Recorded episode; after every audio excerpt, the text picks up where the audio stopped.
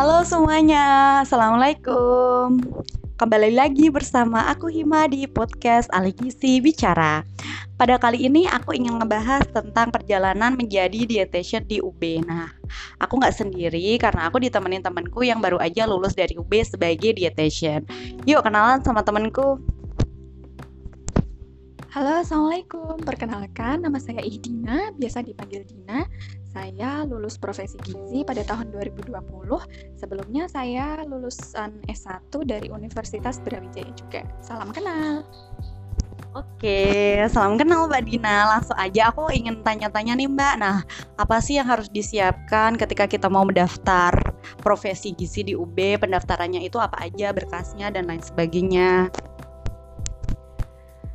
Yang pertama harus disiapkan adalah niat dan tekad untuk menjadi seorang profesi. Karena tanpa niat dan tekad tersebut perjalanan profesi ini sangat berat. Jika hanya cuman iseng-iseng saya tidak menyarankan. Yang selanjutnya uh, kita juga harus menyiapkan skor TOEFL.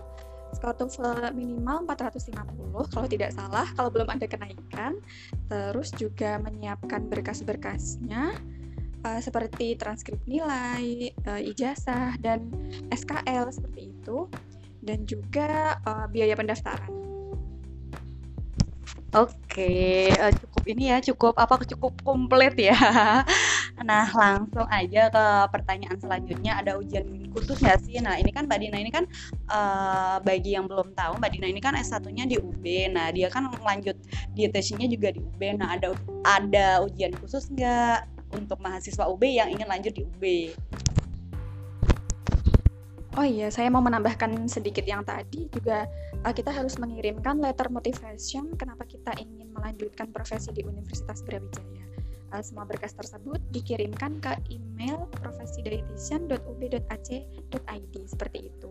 Selanjutnya untuk uh, ujiannya mau dari lulusan UB mau uh, dari universitas lain tidak dibedakan.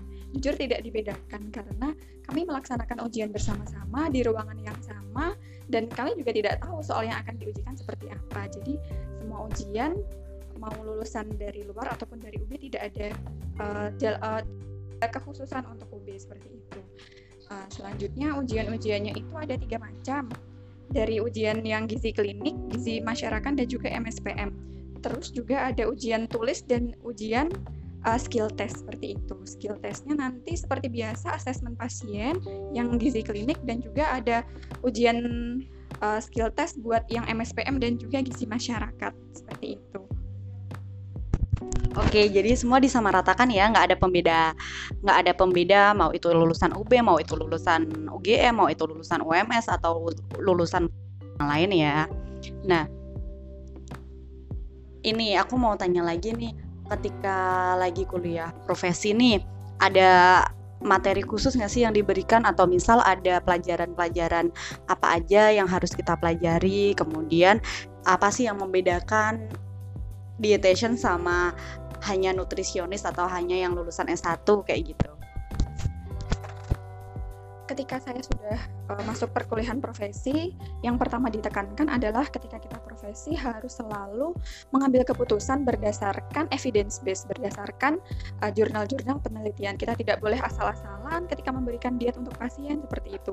Pelajaran yang pertama adalah waktu itu critical appraisal. Jadi kita diajarin buat milih-milih jurnal yang bisa kita pakai untuk sebagai bahan uh, menentukan uh, diet untuk pasien. Jadi tidak semua jurnal bisa dipakai seperti itu. Ada jurnal-jurnal khusus yang kita harus menilai dulu itu jurnalnya bisa kita pakai atau enggak. Selanjutnya setelah itu ketika sudah mulai di lapangan, ketika di stase klinik, yang paling beda adalah uh, kita di ajarkan untuk menangani pasien-pasien dengan critically ill, yaitu kita ada di stase ICU, ada di stase CVCU, uh, eh, cardiovascular care unit, dan juga NICU serta perinatologi. Itu semua pasien dengan kondisi yang sangat kompleks, teman-teman. Wah, keren sekali. Semoga aku suatu saat ya, suatu saat bisa ambil profesi di UB. Amin. Nah, ada tips khusus nggak buat kita masuk ke UB? Uh, untuk tips khususnya, tentu saja kita harus menyiapkan uh, materi-materi yang akan diujikan. Kita harus belajar semua materi selama S1 karena memang usaha tidak akan mengkhianati hasil. Hasil tidak akan mengkhianati usaha seperti itu kan ya.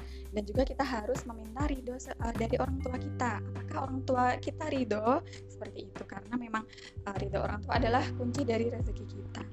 Dan ujian-ujian itu memang uh, menurut saya tidak akan bisa tanpa kita belajar dari sebelum-sebelumnya. Jadi kita harus mempersiapkannya dari jauh-jauh hari seperti itu dan juga disiapkan untuk tes TOEFL-nya jika memang teman-teman belum mencapai skor 450 bisa diulang lagi tes TOEFL-nya seperti itu agar mencapai skor tersebut.